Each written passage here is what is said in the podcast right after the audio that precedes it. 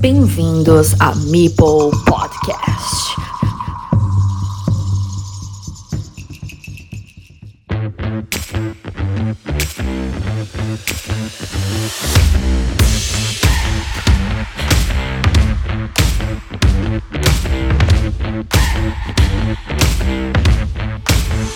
Muy buenas y bienvenidos. Con la voz un poco chunga, intento trasladaros a un nuevo resumen de la Liga Carcassonne Spain.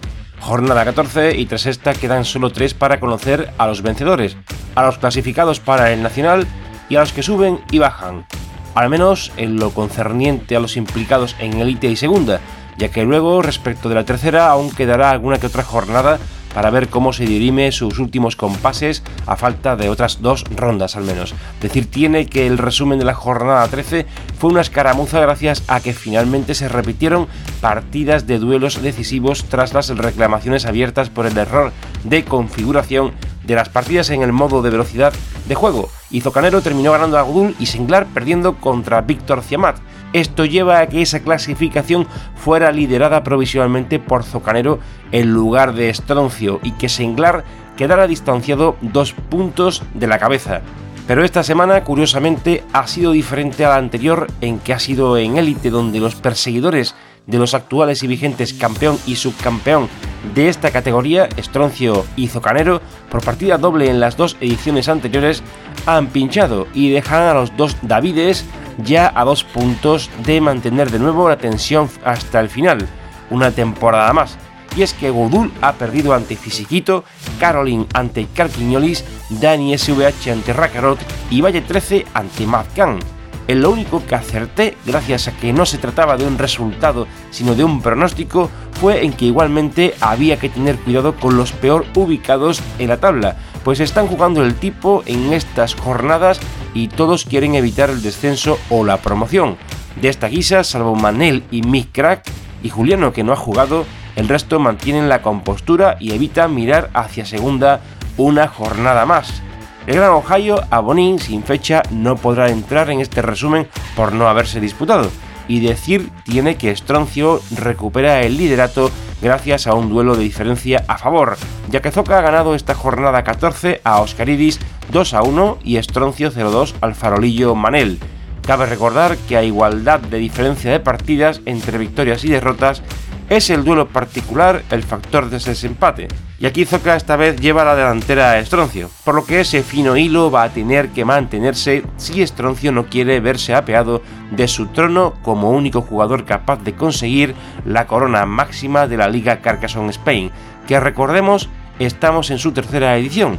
¿Hará Estroncio un Japón? Como decía mi hijo con el chiste, ¿cuál es el país que primero se ríe y luego explota? Ja, pues eso, mejor no te rías y no explotes porque puede que no consigas lo que la selección del Sol naciente en el pasado mundial por equipos de Carcassonne Online, conseguir su tercera medalla consecutiva siendo el único poseedor de este galardón.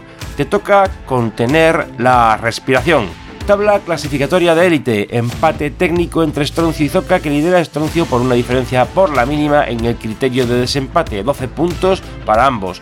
Catalanes, dos de ellos al acecho, aunque a dos puntos ya muy complicado de reponer a falta de tres jornadas. Senglar con 10, Caroline con 10.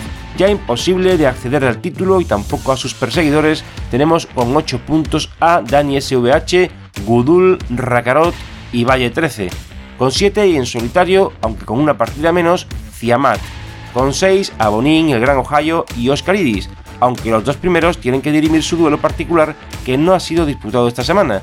Miguel queda relegado con 5 puntos y le llegan las sombras del comienzo de la temporada porque le pisan los talones. Mi crack, 5 puntos. Cuatro almas no muy caritativas que vienen mordiendo polvo desde hace tiempo en esta liga Juliano Apóstata con 4 puntos, Carquiñolis, Fisiquito y Mazcan, todos ellos implicados en fatídicas posiciones de descenso o promoción. Farolillo rojo impepinable, Manel, casi descendido ya matemáticamente a segunda, aunque tendría que pinchar todos los de arriba las tres partidas que faltan y el ganar las tres que quedan. Una utopía a estas alturas, vamos. Segunda azul, si la semana pasada pincharon los perseguidores de Camares, exceptuando el Gran Persmanes, esta semana ninguno ha metido la pata en la trampa. Camares gana a César, Persmanes a David Mill, de Pop a Pilar, Locuelo a Señorita Mipel y Eiffel IQ. El único relevante a estas alturas de la tabla, con posibilidades de ascenso a élite, ha sido Texe, que ha caído ante De Gesenande. Por otro lado, y pisando los talones vienen fuertes Pandemias, que gana esta semana Pfeiffer, y Alberto, que gana a Alfamar. El último resultado ha sido entre Rafa, clasificado para el uno contra uno del Nacional, y Rolente, clasificado para el Campeonato Familiar de Madrid, y el resultado de este duelo ha terminado con victoria para Rolente por 0-2, que junto con Pandemias acaba de alcanzar a César, que venía de perder esta jornada. Clasificación, líder indiscutible con 11 puntos Camares, perseguidor indiscutible con 10 puntos Presmanes, grupo loco de lucha terrible por dos plazas para el ascenso directo a élite con 9 puntos de Pop, Miguel Eiffel y Locuelo. Siguiente grupo que se quiere meter en esta lucha pero con un punto menos, con 8, Texe y Alberto. Con 7 Pandemias, Rolente, César y con 6 IQ, Pilar y David. Con 5 puntos está la cosa que arde y echa fuego como el dragón de la expansión 3. Pfeiffer, Rafa, de Gesenande y Señorita Mipel. Impresionante cómo ha caído Señorita Mipel jornada tras jornadas al fondo de la tabla, habiendo estado en la primera parte de la liga.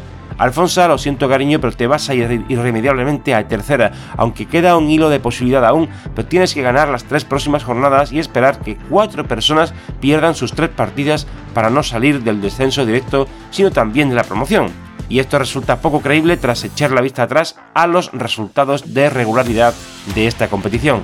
Ni siquiera esto, al menos tendrías que rascar tres victorias y dos de las cuatro que tiene nombrado, que tienes delante, perder sus tres duelos para abocarte a una promoción, que encima de todo está muy complicada porque hay participantes de tercera con nivel superior en esos estratos de promoción que ya dicho van a ser duelos muy disputados y necesariamente streamables para poder disfrutar de la masacre que va a resultar de ellos, viendo cómo uno permanece en tercera y otro pasa a segunda, pero hay que esperar a que acabe la liga y para ello vamos a revisar también cómo se encuentra esta tercera categoría.